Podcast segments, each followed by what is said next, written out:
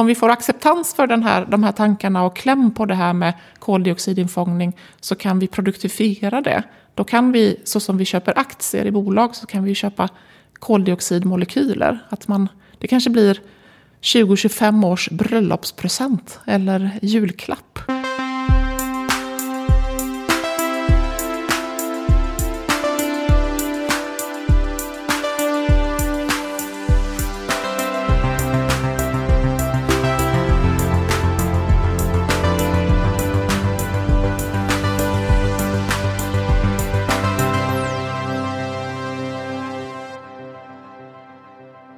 Välkommen tillbaka till Heja Framtiden. Jag heter Christian von Essen. Vi sitter idag i min uh, Kitchen Studio på Roslagsgatan 23 i Stockholm. Här med Sara Davidsson. Välkommen till podden. Tack så mycket. Vad kul att vara här. Hållbarhetschef på ett bolag som heter Midrock. Eller Midrock säger ni. Man får säga båda. Jag säger Midrock. Och det är alltså inte en sån här live uh, rollspelsfestival på Gotland. Nej, nej, nej precis, precis. Inte, inte medeltidsrock utan uh, Midrock. Midrock Europe Just heter det, koncernen. så är det. Mm. Och jag tror för en vanlig eh, genomsnittlig medborgare så använder man ju sig av er mycket dagligen. Men ingen vet riktigt vad ni gör kanske. Ja, men eh, det stämmer nog. Och eh, en del av mitt arbete faktiskt, eh, till exempel när vi tog fram hållbarhetsredovisningen förra året, handlar om att klura på hur kan vi förklara, hur kan vi bidra med att förklara också vad vi gör utan att liksom gå in på 90 gritty. Så, ehm, så att om jag börjar längst söderut i Sverige så tror jag att många av eh, våra lyssnare som bor i Skåne kanske till och med bor i en Midrock-bostad. En bostad som Midrock har byggt då. För där är ju Midrock Properties en stor byggherre. Uppåt mot Helsingborg och Malmö och Lund och Växjö och så vidare. Och även eh, här i Stockholm för all del. Eh, Men sen så har vi ju eh, våran mest folk på Midrock jobbar i våran tjänstesektor. Och det blir kanske lite längre ifrån då, för det är ju alla de saker som vi använder i våran vardag som är tillverkade ute i industrin. Till exempel eh, om vi beställer hem någonting så är de, finns det en förpackning runt. Och eh, förpackningen kommer ju från skogsindustrin och Midrocks tjänstebolag finns i princip i alla pappersbruk och massabruk runt om i Sverige. Då. Där hjälper vi till att bygga anläggningarna och drifta anläggningarna, underhålla dem, se till så att de funkar under lång tid och säkra. Mm. Finns det ägande där också? Ja, vi äger, vi äger en del. Vi bygger alltid fastigheter så att vi ska kunna vilja äga dem själva. Med den standarden och den stoltheten så att säga och den kvaliteten. Men eh, vi säljer vidare eller bygger, på, bygger oftast på uppdrag av någon annan. Men vi, vi förvaltar, äger och förvaltar en del av våra fastigheter själva. Det gör vi. Framförallt på den kommersiella sidan. Eh, Men på, på tjänstesidan, eh, där tillverkar vi ju ingenting. Vi tillverkar inga produkter. Så att, eh, utan där är det eh, allt från konsulter och rådgivare till eh, montörer och folk som jobbar med underhållsfrågor och installationer och så vidare. Och du är hållbarhetschef. Var kommer du ifrån från början? Ingenjörsbakgrund? Jag är ingenjör, ja. det är jag. Eh, det märks säkert i vissa sammanhang, men, men eh, jag är, jag är från, från början faktiskt humanist. Jag har läst en massa gamla döda språk och historia och eh, den typen av saker som man funderar på. När jag berättar det så undrar många andra ingenjörer, så här, men vad ska man med det till? Men det har varit fantastiskt användbart i livet, eh, tycker jag, då, för att förstå också andra människor och förstå sammanhang. Sen har jag själv en bakgrund där jag har bott i tre olika länder när jag växte upp. Och det gör ju att jag har fått med mig det här från modersmjölken så att säga. Den här, liksom, att veta att den sanningen som är sanning hemma på min gata, den kanske inte är en sanning i kvarteret längre bort och så vidare. Så att, eh, Har någon slags eh, perspektivförståelse? Ja, men precis. Och eh, det tycker jag att jag har väldigt stor nytta av. Dels, de, dels så styrde det mina, mina studieval från början då. Ehm, men eh, jag tänker att det har också hjälpt mig att någonstans förstå var jag kan göra nytta och var, hur jag kan bidra. Mm. Jag tänker när man jobbar med hållbarhet inom sådana här liksom enorma kolosser som eh, infrastruktur, fastigheter och så vidare. Så är det ju liksom dels hållbarhetsarbetet mot samhället och dels mot kunderna och dels internt. Alltså det är ganska stora puckar du sitter och hanterar, antar jag. Ja, men, jo, men så är det. Fast det tycker jag är roligt. För att eh, dels så, som hållbarhetschef så skulle jag ju kunna lägga 100% av min energi på att jobba med att förbättra våra interna processer. Alltså hur ska mm. vi, Eh, kan vi sänka vår energiförbrukning? Kan vi bli bättre på, på mångfald? Kan vi bli bättre på att eh, använda mindre resurser? Eller, eller eh, tänka mer cirkulärt i vårt arbete? Men jag har också förmånen att jobba ute mot kund och i vår affärsutveckling. Och det är ju där ett tjänstebolag till exempel kan göra störst skillnad. Men det är också där ett fastighetsbolag kan göra störst skillnad i att bygga en fastighet, bygga en produkt, eh, finnas i ett samhälle och ett distrikt där, där alla de som sen ska bo i produkten, bo i fastigheten eller vistas på i en kontorsmiljö som vi har byggt, att se till att det kan bli så hållbart som möjligt utifrån mm. olika perspektiv. Det måste vara svårt att hålla det här 50 eller 100 års eh, horisonten hela tiden. Ja, jo så är det ju. Fast samtidigt så, om vi bara sitter och tänker 100 år, vi måste tänka 50 och 100 år för att veta, någonstans prioritera så här, vad har det här för påverkan, alltså impact? Om vi tar det här beslutet eller det här beslutet, spelar det någon roll om 50 eller 100 år? Men samtidigt så ska vi ju tänka och göra saker som händer här och nu. Och ett exempel är ju just Midrox eh, tjänstebolag som jobbar med att förlänga livslängden hos våra kunder i deras anläggningar. Det är ju fem, verkligen 50 och 100 års perspektiv. Ett modeord just nu är ju cirkulär ekonomi och cirkulärt tänk. Det allra första vi ska göra för cirkulärt tänk är ju att försöka vårda det vi har. Och det, då handlar det ju om att vårda våra fastigheter och vårda, våra, vårda det som redan finns. Sen steg nummer två, det är ju att designa smarta grejer. Så att vi vill bo kvar i vår bostad, att vi vill ha kvar det köket som vi eh, installerade istället för att riva ut det och byta ut det. Och eh, att vi kan använda en processanläggning för att koka många olika saker och inte behöva bygga om varje gång vi ska tillverka något nytt. Ja, just det. Så jag tycker det är roligt med att hålla de perspektiven eh, i huvudet samtidigt. Upplever ni att kunderna, alltså beställarna blir mer och mer pålästa och medvetna? Ja. Eller måste ni också coacha lite? Det? Både och, skulle jag säga. Jättebra fråga. Både och. Eh, och, och det här är ju någonting som, där jag peppar våra affärschefer. För att eh, jag kan ju prata, jag kan inspirera, jag kan följa upp för all del och så vidare. Men att leva hållbarhet, att få det att hända, det är ju ute i våra kundsamarbeten. Det är ute när vi bygger husen ihop med kommunerna och ihop med de olika intressenterna, kommuninvånarna. Ehm, det är också, eh, vi har ju en tredje eh, affärsgren också, det är ju att vi investerar pengar i andras goda idéer. Så att vi äger och deläger en del startupbolag mm. med väldigt utpräglat hållbarhetstänk. Då. Eh, till exempel icke-fossila energislag som vågkraft och vindkraft och smarta växthus, smarta belysningar till växthus och smarta, smarta IT-produkter som gör penningtransaktioner säkrare och så vidare. Vissa kunder är ju extremt pålästa och där får ju vi vara på tårna så att vi är med och förstår frågeställningen. Och inte bara tänker att ja, men nu ska vi leverera samma som vi gjorde i förrgår. Men sen finns det absolut väldigt många som fortfarande frågar så här, ja men vad är lägsta priset? Mm. Men den skaran är ju minskande. För att det handlar ju om överlevnad. Det handlar ju om att vara relevanta om 15 år. Då behöver vi tänka nytt. Alltså menar att prisfrågan håller på att försvinna lite i alla fall?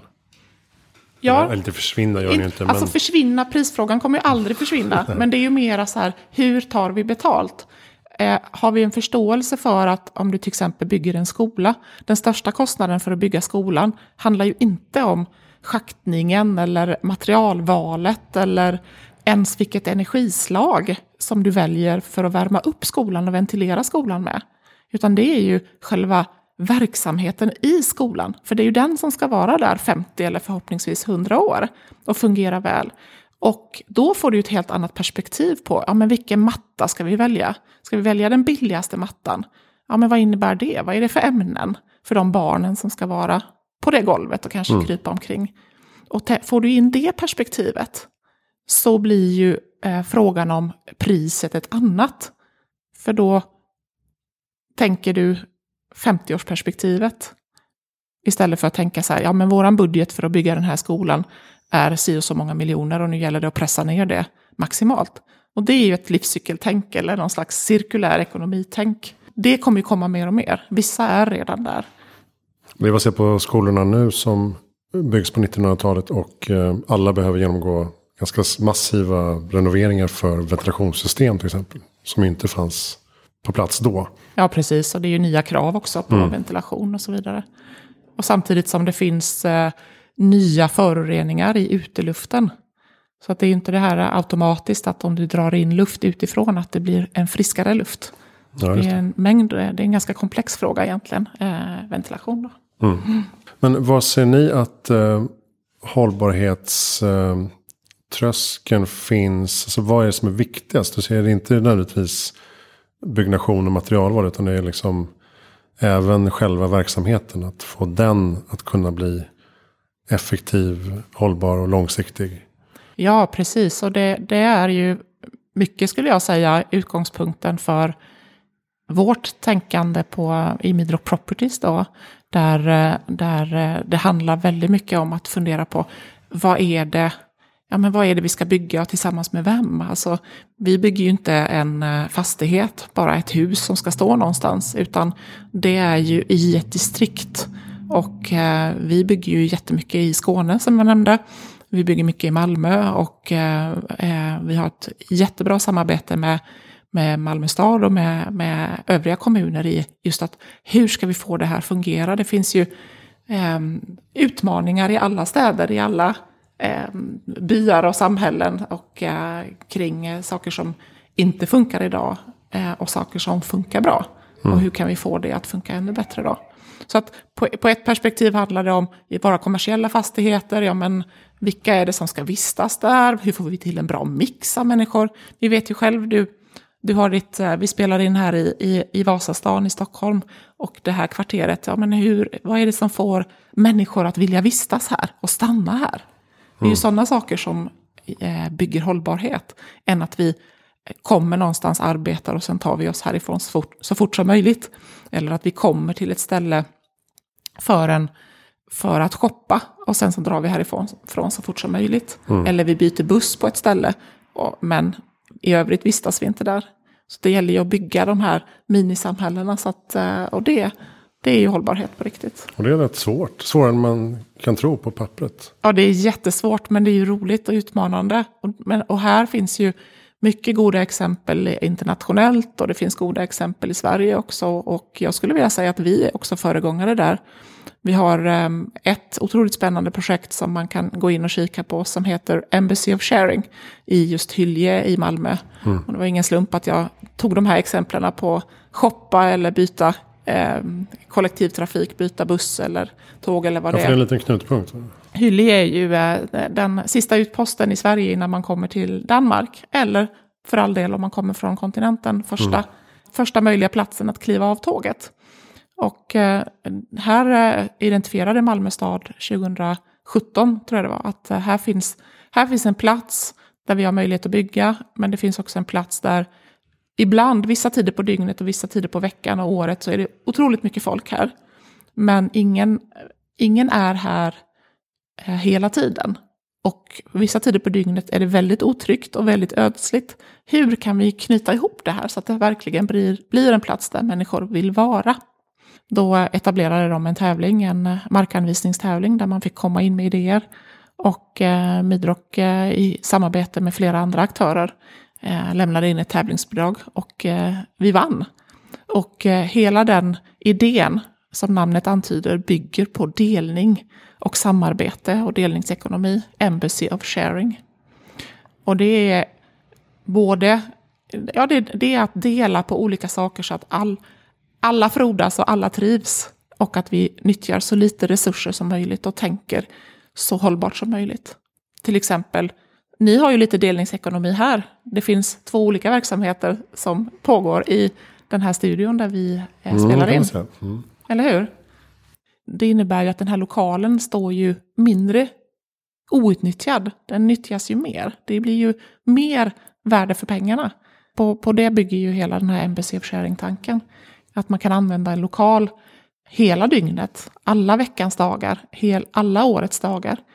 Eh, eller man kan använda vilka andra ytor som helst på många olika var, sätt. Var är, det, var är projektet i fas då? Vi har inte börjat bygga. Du Nej. sa ju att det här är svårt, det här är komplext. Och det är ju det. ja. För det här är innovation på riktigt. Det viktiga är inte att visa att Midrock kan bygga fastigheter i det här projektet. För det har vi ju bevisat många gånger om. Genom att vi har byggt massor och vi förvaltar mängder med fastigheter. Utan det vi vill vara föregångare inom här, det är ju att skapa förutsättningarna för att göra saker tillsammans. Och då är det viktigare med målbilden och att hitta människor och organisationer som delar målbilden. Och sen backa tillbaka till, okej, okay, men hur ska, vi, hur ska vi bygga? Hur ska vi göra det här så att det blir så? Och inte bara tänka att ja, men nu bygger vi lite lokaler och sen så eh, kan väl någon organisation använda dem lite grann. Då ska det vara bostäder och kommersiella fastigheter? Ja, en mix av båda. Liksom. Det är ett helt kvarter. Det kommer vara eh, sju eller åtta fastigheter. Och det första börjar ju, vi projekterar ju för fullt, men vi projekterar ju i etapper så att vi bygger en fastighet åt gången. Så att eh, vi kommer inleda med, som jag, jag tror att det är tänkt att ska, ska stå klart eh, 2023, om jag minns rätt. Det är fyrtornet och det kommer bli Sveriges högsta träkonstruktion, mm. högsta träbyggnad. Så att eh, det blir spännande grejer. Väldigt mycket tänk kring eh, ekologi då, men också den första, eh, första pålen i marken när det gäller just den här delningsekonomiprincipen. Ja, vad häftigt. Mm. Vad kan man tänka sig mer för typ av delning då? Alltså du pratar lokaler är en sak, men kan man även tänka sig mobilitet och matlagning och liksom Ja, allt möjligt. Absolut, allt möjligt. Det, det, här finns ju, det här sätter ju bara fantasin gränser. Mm. Och det är därför som så otroligt mycket av vår planering har ju handlat om att, jag skulle säga att vi har lagt ner minst lika mycket energi och tid på att så att säga knyta kontakter lokalt i samhället, i, i Malmö och runt omkring i regionen, kring att eh, vad, vad, innebär, vad innebär delningsekonomi för dig? Hur associerar du? Kom till oss med din idé och låt oss diskutera det. Mm. För det är, ju, det, är ju, det är ju där, återigen, vi, vi vägrar att leverera lösningen här. Så att eh, det, det kan vara allt möjligt. Det kan vara att dela ytor, det kan vara att eh, dela idéer, det kan vara att eh, dela, alltså att man kryper, sig, kryper ännu närmare ekonomiska perspektiv, utbyta tjänster eh, och på det sättet eh, skapa eh, både trivsel och trygghet och ja, men hållbara idéer. Det låter ju som en modig upphandling om man ser till att få växa fram organiskt. Att man inte kräver alla svar på ritbordet på en gång. Ja, verkligen. så att, det, är det, det, är mångas eh, pulser som ska hållas nere. Mm. Nej, men skämt åsido, det, det, så är det ju. Men eh, det är ju, det är ju inte så att, återigen, att vi är i detta på en öde plätt helt själva, utan det här är ju från början eh, Malmö stad som sa, sa att vi har ett antal utmaningar, vi har ett antal möjligheter, eh, visa oss hur vi kan lösa det. Mm. Och eh, vi tillsammans med ett antal andra aktörer kom med olika förslag. Vårt förslag vann. Och eh, det är vi otroligt tacksamma för att få, få den här möjligheten att utveckla, eh, utvecklas och utveckla lokalsamhället tillsammans. Då.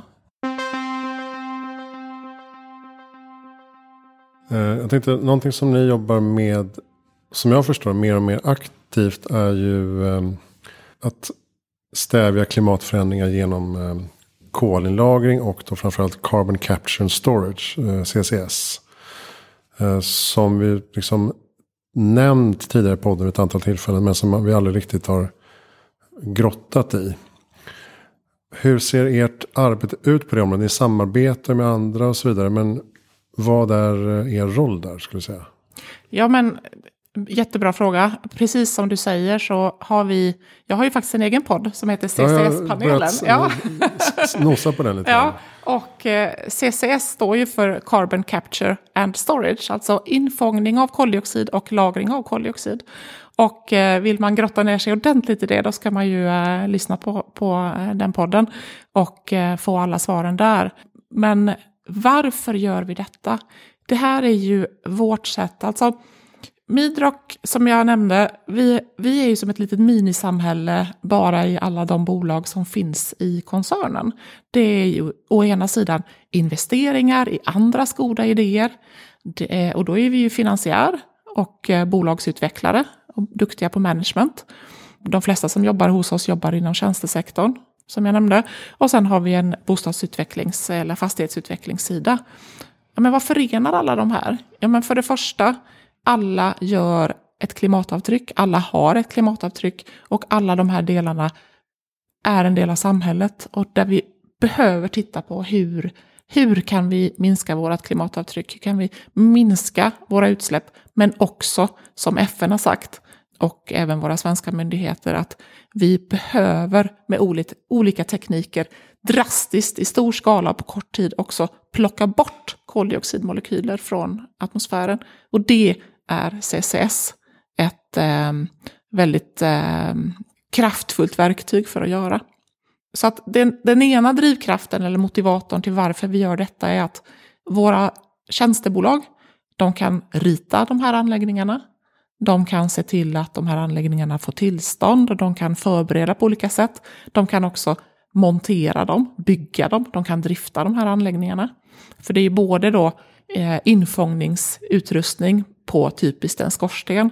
Men det är också tankar för lagring av, av den här eh, förvätskade koldioxiden och olika typer av infrastruktur för att sen skeppa vidare eller transportera vidare. Och allt det där kan ju vi bygga med hjälp av våra tjänstebolag. Men vår fastighetssida, Midrock Properties, de står ju inför, precis som resten av fastighetsutvecklarna och bostadssidan i Sverige, står ju med en jätteutmaning. Hur ska vi göra för att eh, bli klimatneutrala, koldioxidneutrala? Ja, men då behövs det ju till exempel betong. Det kommer vi inte undan för att använda. Vi kan bygga i trä, som jag nämnde att, att vi gör och eh, har konkreta projekt på gång. Men vi kommer aldrig komma undan, eller på väldigt överskådlig tid i alla fall, finns det ingen som har ett konkret förslag på hur kan vi sluta använda cement och betong och använda något annat istället. Det behövs i väldigt mycket av vårt byggande. Och då blir ju det här med infångning av koldioxid och lagring av koldioxid, så blir ju det ett konkret sätt att liksom kompensera för de utsläppen som ändå finns kvar. Mm. Och det är fastighetssidan. Man kan inte riktigt vänta heller på, alltså både cement, betong och stål ska ju bli koldioxid, eller fossilfritt i alla fall, till 2045. Ja. Eller vad det är. Men det kan man inte vänta på. Nej men lite så, precis för att det är den här du var inne på förut det här liksom 50 och 100 års perspektivet. Men det är fler och fler blir överens om och, och eh, om man tänker sig utifrån FNs eh, perspektiv då, eh, internationella samlade forskarkompetensen är överens om via IPCC att vi måste göra saker här och nu. Och, och vi måste liksom dammsuga bort koldioxid ur mm. atmosfären. Mm. Och då blir det här CCS-metoden.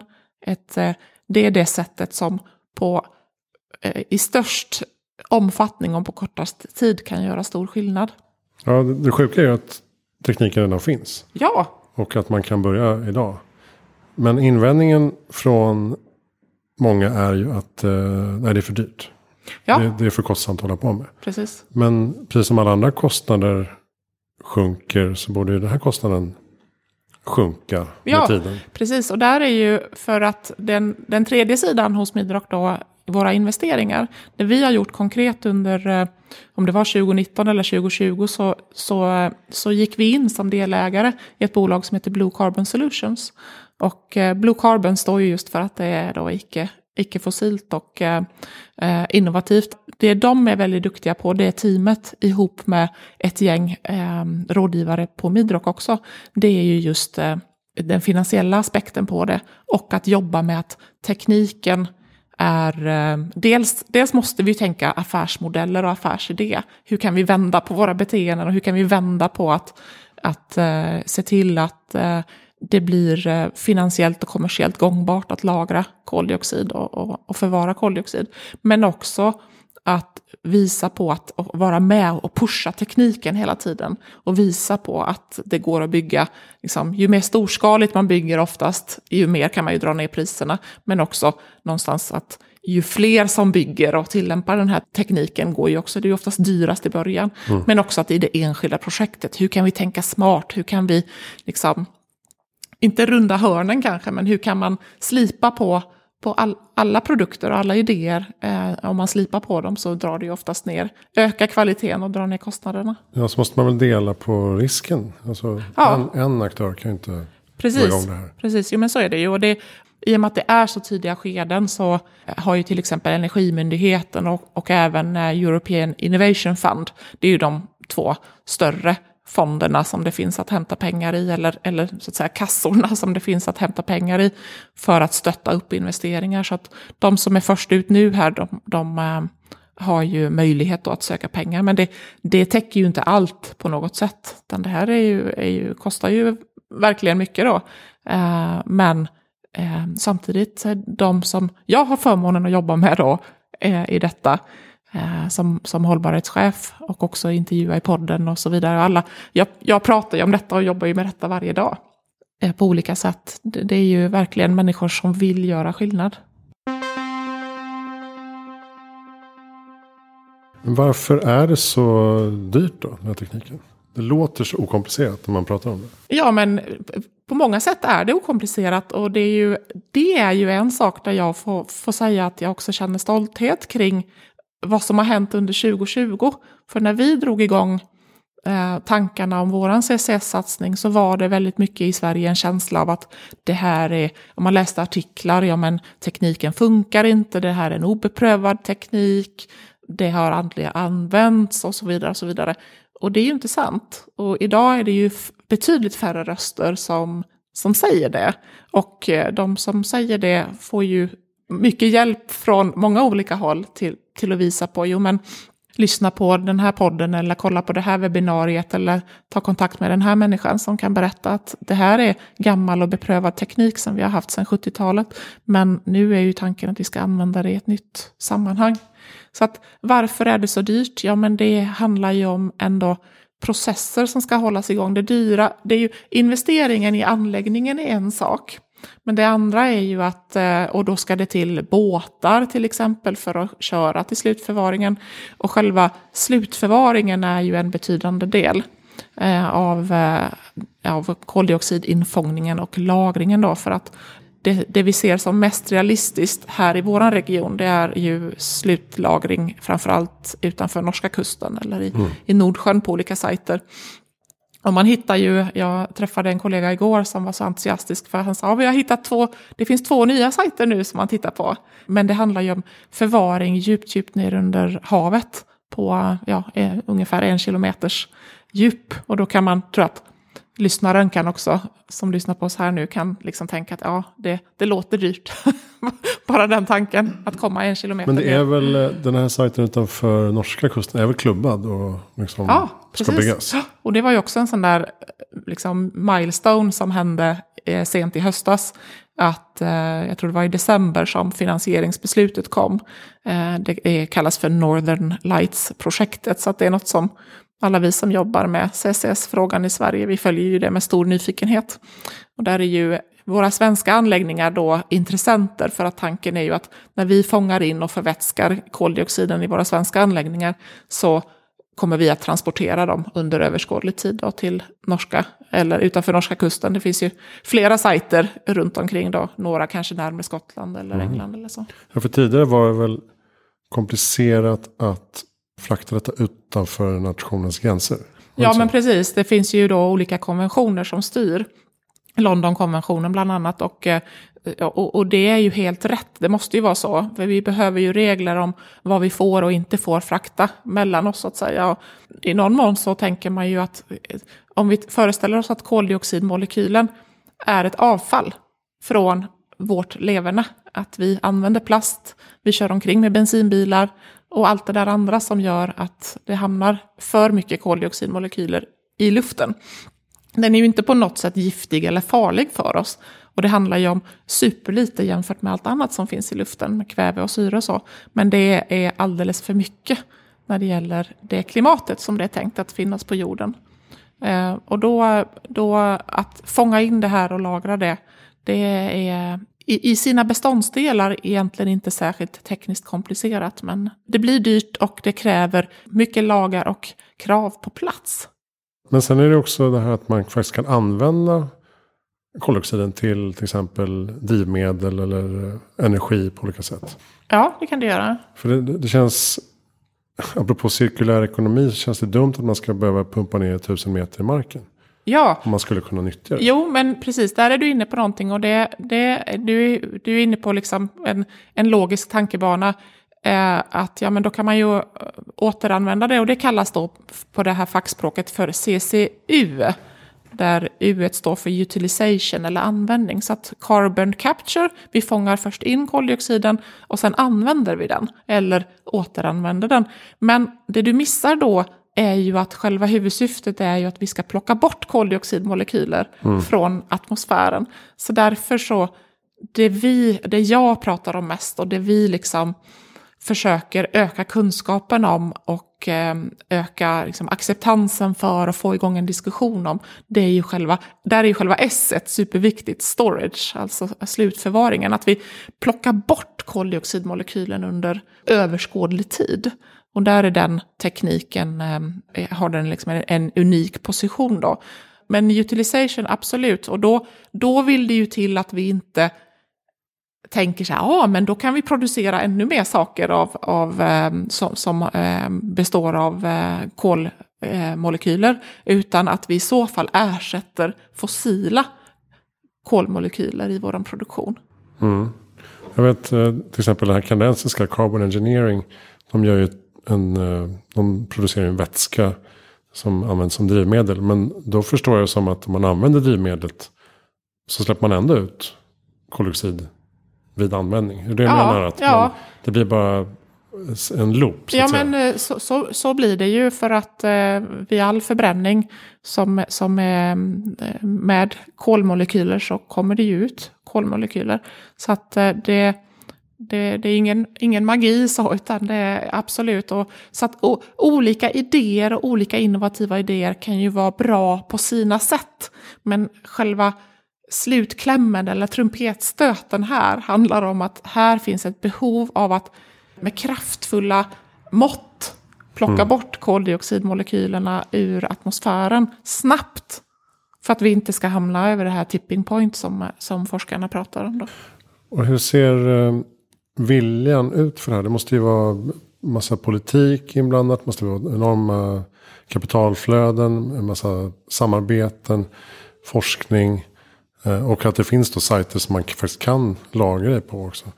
Börjar det här falla på plats tror du inom de närmaste åren? Eller jag hoppas verkligen det. Och jag, jag, jag, jag kan bara säga för egen del att eh, under det här året då 2020 och 2021 som vi börjar beta av eh, en, en bit in på nu också så har det ju hänt jättemycket i Sverige. Och på många sätt så var vi ju, vi låg ju liksom lite efter kanske när vi gick in i detta. Klimatpolitiska vägvalsutredningen kom eh, för, för något år sedan och man pratade om CCS som en viktig metod och då fanns det liksom inget mer än lite grejer på ritbordet. Och sen nu finns det ju ett antal anläggningar som är på god väg in. De fullskaletestar, inte minst Stockholm Exergi här i, i Stockholm där vi är nu och spelar in, är en föregångare.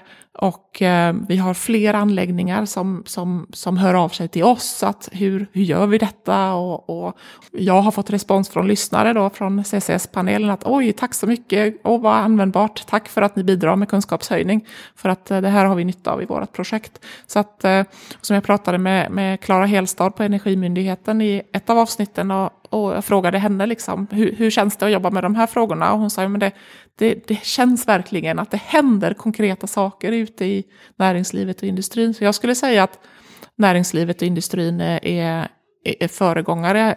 Alltså, det händer jättemycket saker där ute. Men jag tror att gemene man som går på trottoarerna i våra, på våra gator och torg, de kanske inte känner av det så mycket. Eh, man tror eh, att det inte händer så mycket och så måste ja, man själv eh, förändra sig.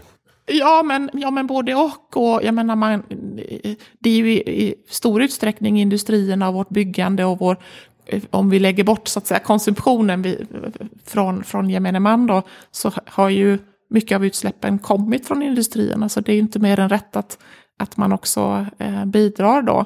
Men samtidigt så kan ju våra, våra skorstenar där vi har stora punktutsläpp kan göra nytta på global nivå. Alltså vi kan ju så småningom, om vi får, om vi får acceptans för den här, de här tankarna och kläm på det här med koldioxidinfångning, så kan vi produktifiera det. Då kan vi, så som vi köper aktier i bolag, så kan vi köpa koldioxidmolekyler. Att man, det kanske blir 20-25 års bröllopspresent eller julklapp. Att köpa ett verifierat papper med en stämpel på. Att eh, jag har gett dig 10 000 koldioxidmolekyler som ligger nu snyggt förvarade eh, på havsbotten. Som en slags utsläppsrätt? Ja, en utsläppsrätt, mm. precis. Jag tänker också på det här med, med just, eh, för du frågade innan, så här, men varför gör vi detta? Och en så att säga, motivator är ju att, att alla Midrox-verksamheter kan vara med och bidra på något sätt. Och behöver den här lösningen. Eh, jag nämnde med cement och betong och att vi bygger men en annan drivkraft är också där just som förenar våra verksamheter och det, det var vi inne på innan och du ställde frågan om det med samverkan och känns det som att, att eh, folk börjar förstå och samarbeta kring detta och det, det är den här samverkansidén och det, det är också där vi beslutade oss för, för, för podden för att den är, den är extern, den, är liksom, den kan ju nå väldigt många. Och den här kunskapshöjningen men också att få till det här, eh, kunna bidra till innovation och samverkan. För att innovation, alltså att få till, produktifiera det här med att äh, vända på koldioxidcykler och att, att, att ha det som en affärsidé som, som håller och som är kommersiellt gångbar och som inte behöver leva på stöd från olika myndigheter och olika eh, finansieringsverktyg, utan som kan leva på att det finns konsumenter i slutändan som vill köpa de här produkterna. Det är ju någonting, det finns väldigt få goda idéer som har kommit av att en person har suttit på kammaren och grubblat över någonting och så kommit fram med en genialisk idé, utan nytänkande innovation, det kräver ju, det förutsätter ju samarbete. Och det förutsätter att vi förstår olika perspektiv och olika behov.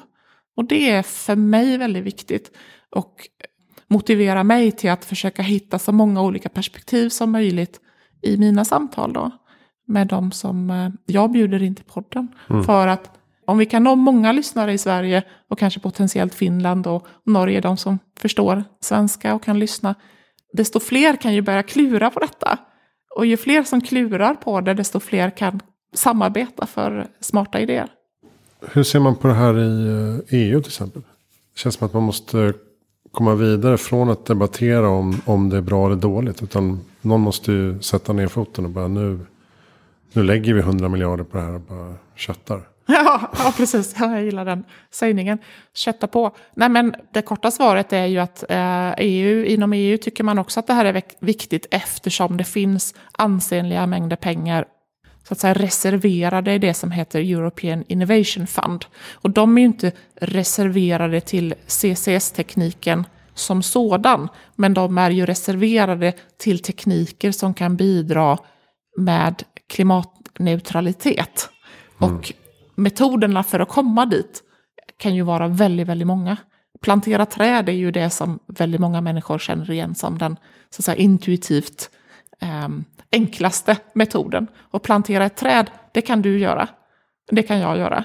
Om vi har någonstans att plantera den. Eller så kan vi köpa att man kan plantera ett träd i, viskogen eller någon annanstans.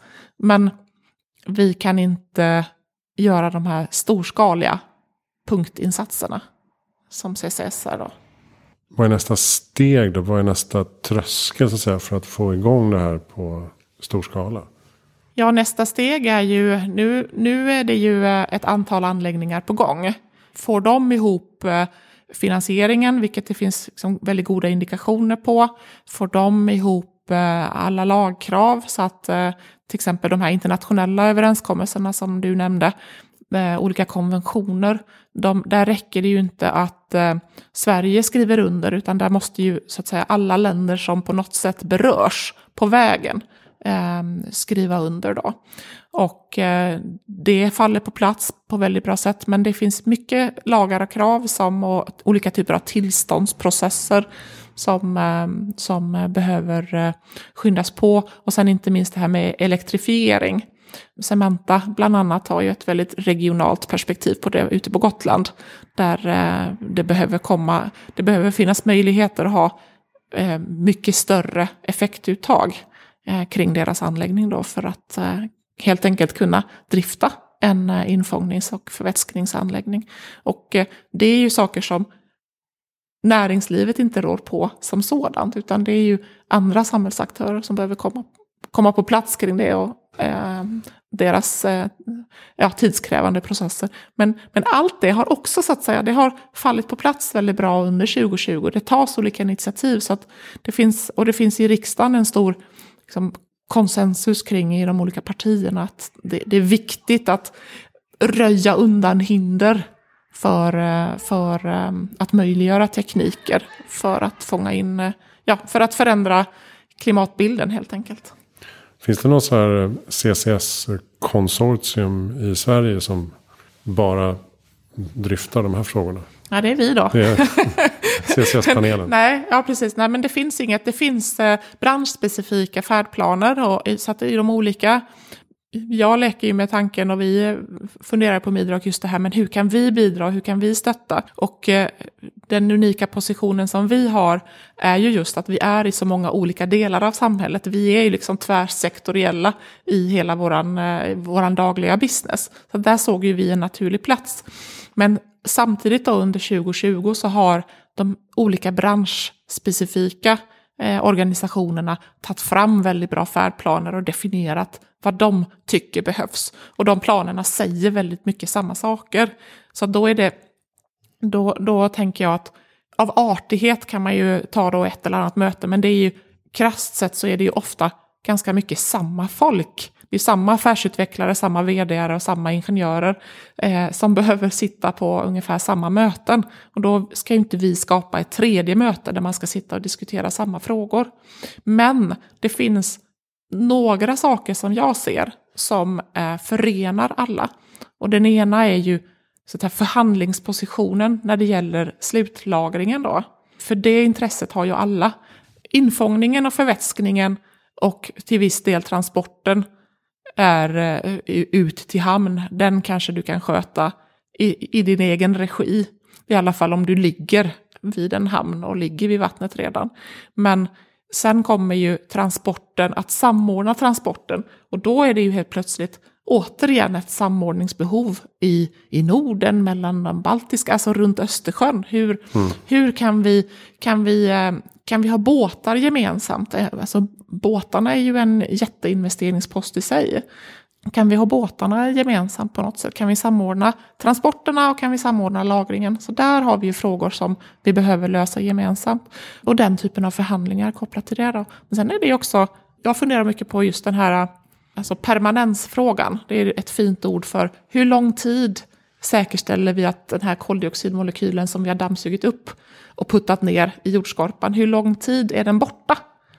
Och eh, om du binder koldioxid genom att eh, odla träd eller odla olika typer av biomassa, för det måste ju inte vara träd. Men om vi tar exemplet träd, då är den under tillväxt i kanske 70 år. Sen avstannar koldioxidlagringen och då har du säkerställt en lagring under 70 år. Använder du något av de andra metoderna, ja det är olika livslängd så att säga, men att djuplagra koldioxidmolekyler i jordskorpan, då vi har ingen som har bevisat det, för vi har ingen som har levt så länge och nedtecknat det här. Men det handlar ju om tusentals år. Och vissa dristar sig till att säga att ja, men det är i princip en, en eh, evig lagring då, den är borta för alltid. oavsett om vi säger det, men vi säger, låt oss säga bara tusen år då. Ja, det är stor skillnad på tusen år och på 70 år, mm. eller 100 år.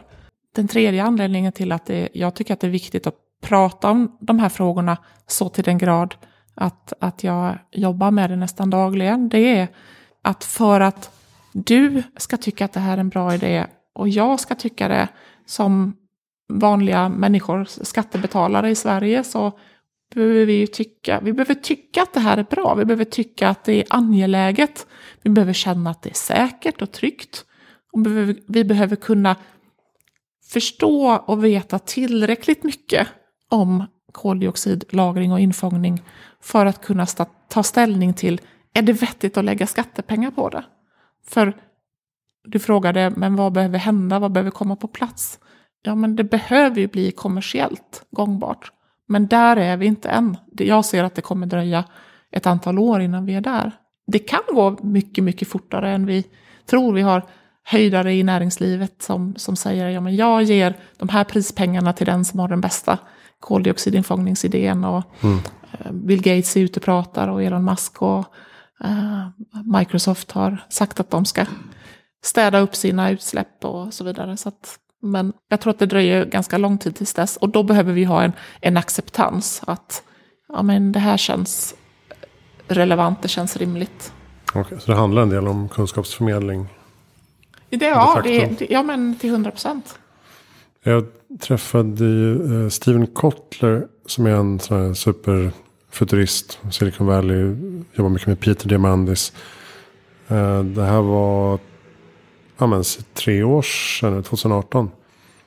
Han pratade just om carbon capture and storage och den här frustrationen i att så här, ser ni inte att tekniken finns. Låt oss bara, varför bygger vi inte bara tusen sådana anläggningar? Så Där är ju mina är kollegor klart, på liksom. Blue Carbon Solutions. Hallå, vi har jobbat med det här, ja. vi vet att det funkar i 20 år. Ja.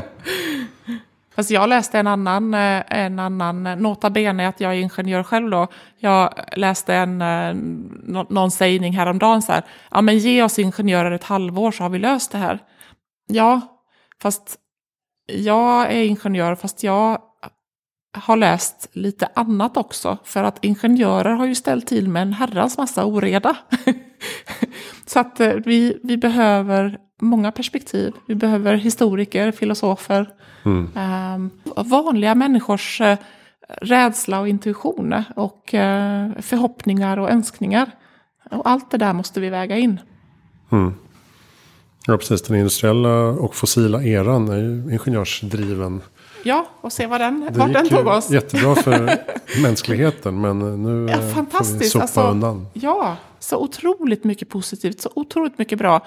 Men också med, och det är väl det som någonstans tänker jag, det karaktäriserar väldigt mycket av, av innovation som drivs idag. Att uh, försöka få med det här hållbart på riktigt så att säga.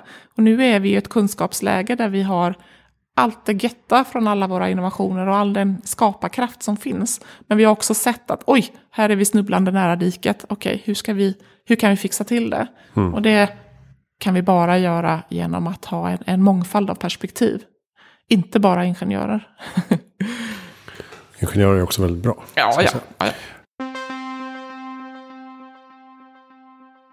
Ni blev utsedda eh, nu 2020 till Sveriges bästa arbetsgivare i kategorin stora företag. Vad är eh, hemligheten bakom den framgången? Oj, ja. Ni har tusentals anställda. Ja, det har vi. Eh, jag tror vi är uppe i 4 000 nu. Och i flera olika länder. Ehm, och jag skulle säga att det är ett långsiktigt arbete. Och ehm, eh, jag, jag, jag, är inte den bästa experten på att svara på den frågan. Så jag, jag tänker att jag svarar utifrån ett medarbetarperspektiv. Att det finns ett långsiktigt arbete just med att inkludera det här med, med samarbete det är det vi bygger våra verksamheter på och vår interaktion på. Och att involvera medarbetare är väldigt viktigt. För ja, men var ska du hitta den röda tråden i alla våra verksamheter? Vi håller ju på med allt möjligt som finns i samhället.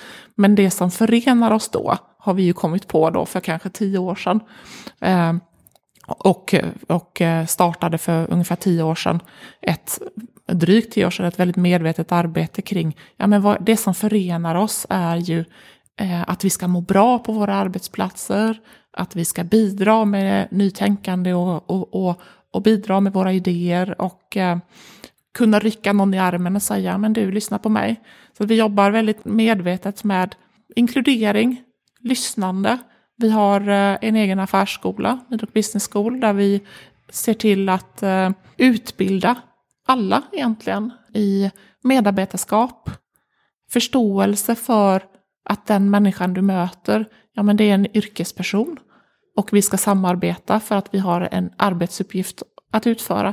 Men det är också en människa som kanske har haft en dålig dag eller bär på sin ryggsäck med sina erfarenheter.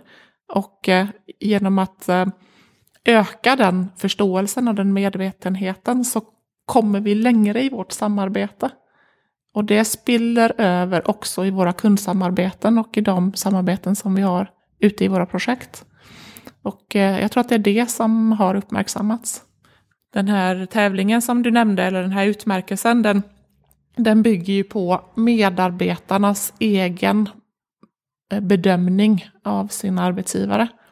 Då finns det ju liksom en, en ärlighet i att, äh, att det finns faktiskt en substans där. Det är liksom ingen polish, utan det är någonting som vi har jobbat med väldigt länge. Mm. Mm. Jag brukar fråga, vad är ditt bästa tips för att göra världen bättre i framtiden? Ja, men jag tänker att, att bjuda på ett skratt, det är faktiskt en, eh, en eh, att få människor omkring sig. Dels att, att söka efter skratt själv, alltså att se till att jag som individ får skratta, men också att bjuda andra på ett skratt. Det är väl ett otroligt omedelbart sätt att försöka skapa och bidra till att skapa någonting som är bättre här och nu.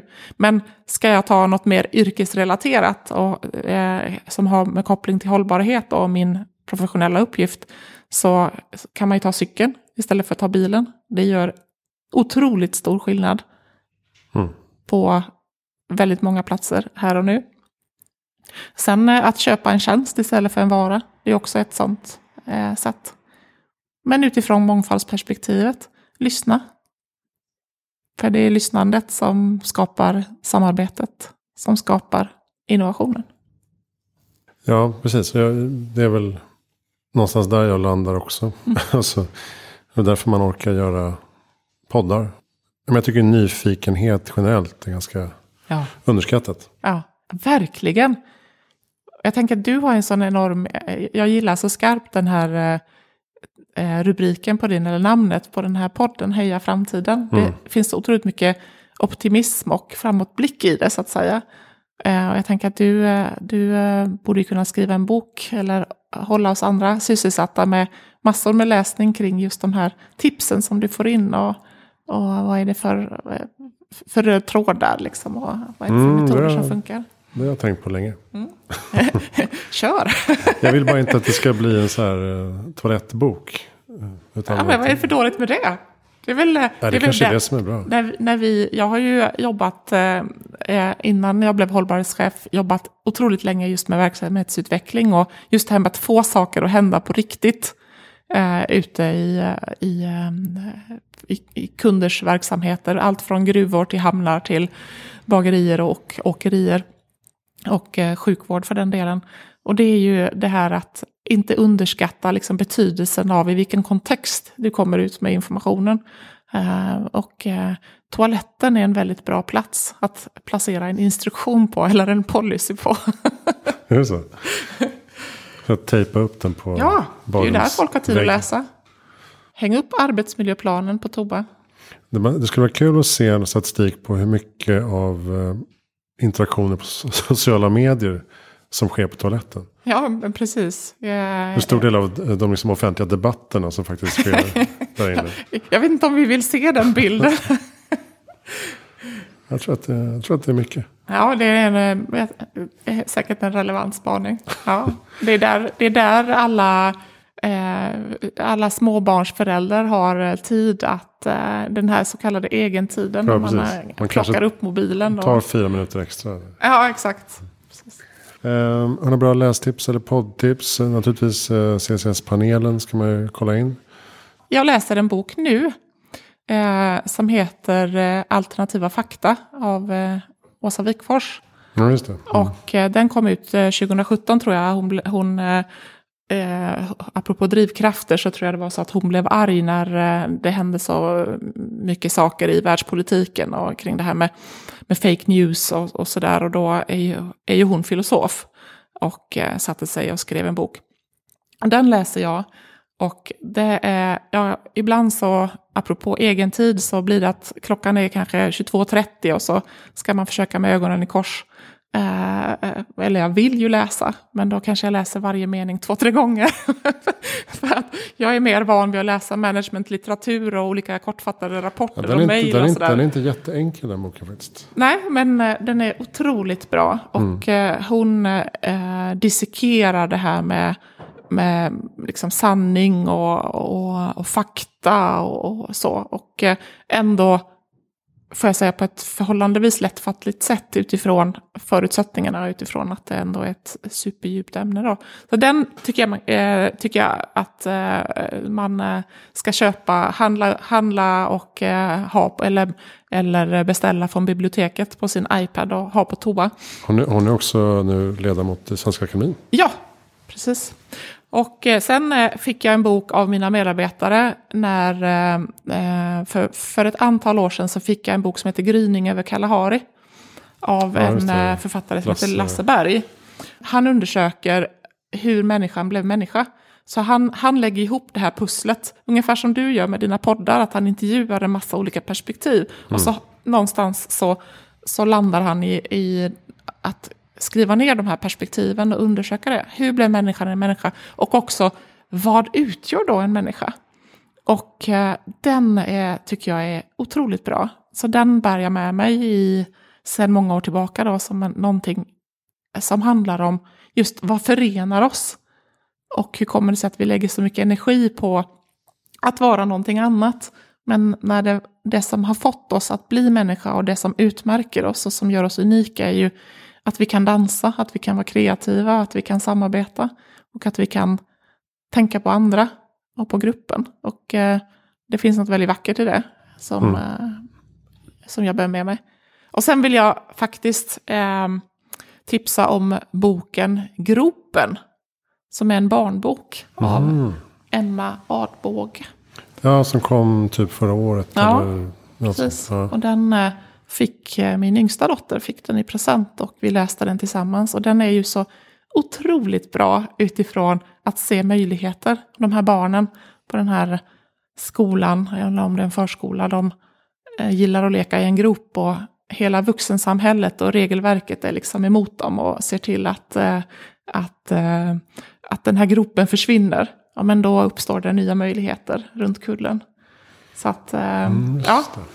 Den tycker jag är otroligt läsvärd. Även i alla åldrar. Bra. Det är så här infrastrukturnördigt också. Med grop. ja, precis. precis. Det finns rationella förklaringar till allt. Precis. Har du några bra tips på intervjuperson? Oj, du. ehm, då skulle jag säga ehm, min uh, före detta kollega när jag var hyfsat ny in i arbetslivet för, eh, vad blir det nu, jag vågar inte ens säga. Eh, I slutet på 90-talet så jobbade jag ihop med en kvinna som heter Martina Wettin. Sen har vi gått eh, för länge sedan åt olika håll och hon jobbar idag som entreprenör och eh, är delägare i olika bolag och jobbar just med hållbarhet på olika sätt. Och hon är bland annat delägare i ett bolag som heter Nilsson Energy som jobbar med eh, det här med vätgas, eh, alltså elektrifiering och, eh, och möjlighet att eh, alstra el och uppvärmning och drivmedel med hjälp av solen och vätgas och, och bränsleceller och hela den, det paketet. Och det kan hon förklara på ett otroligt bra sätt. Och hon är ju, i och med att ja, men det är entreprenörer som, som driver oss framåt och det är väldigt mycket hållbarhetstankar som, eh, som eh, drivs av eh, näringslivet och olika kreativa människor.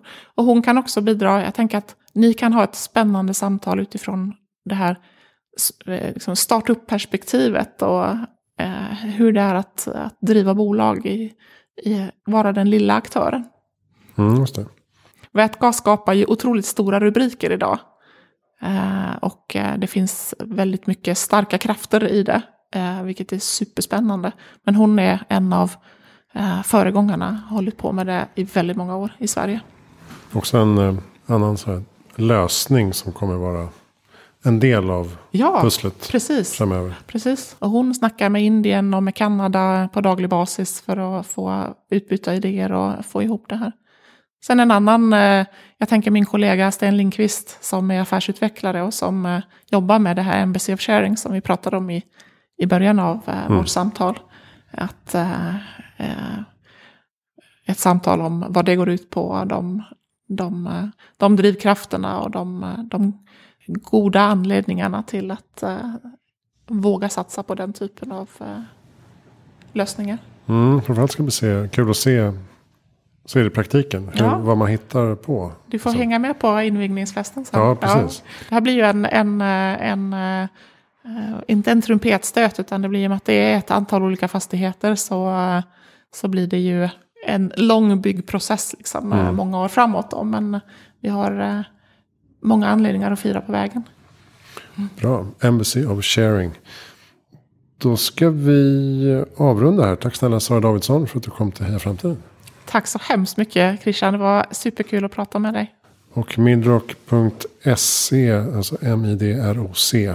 Kan man läsa mer om eh, om man behöver lite infrastrukturtjänster eller eh, hållbarhetslösningar. Eller, eller eh, läsa mer om Carbon Capture and Storage. Och då kan man också kolla in podden då, som heter CCS-panelen Ja, som du leder. Hejaframtiden.se där vi hittar allt du behöver veta om podden, alla intervjupersoner och om mina projekt. Jag heter Christian von Essen. Tack för att du lyssnar. Ha en bra vecka.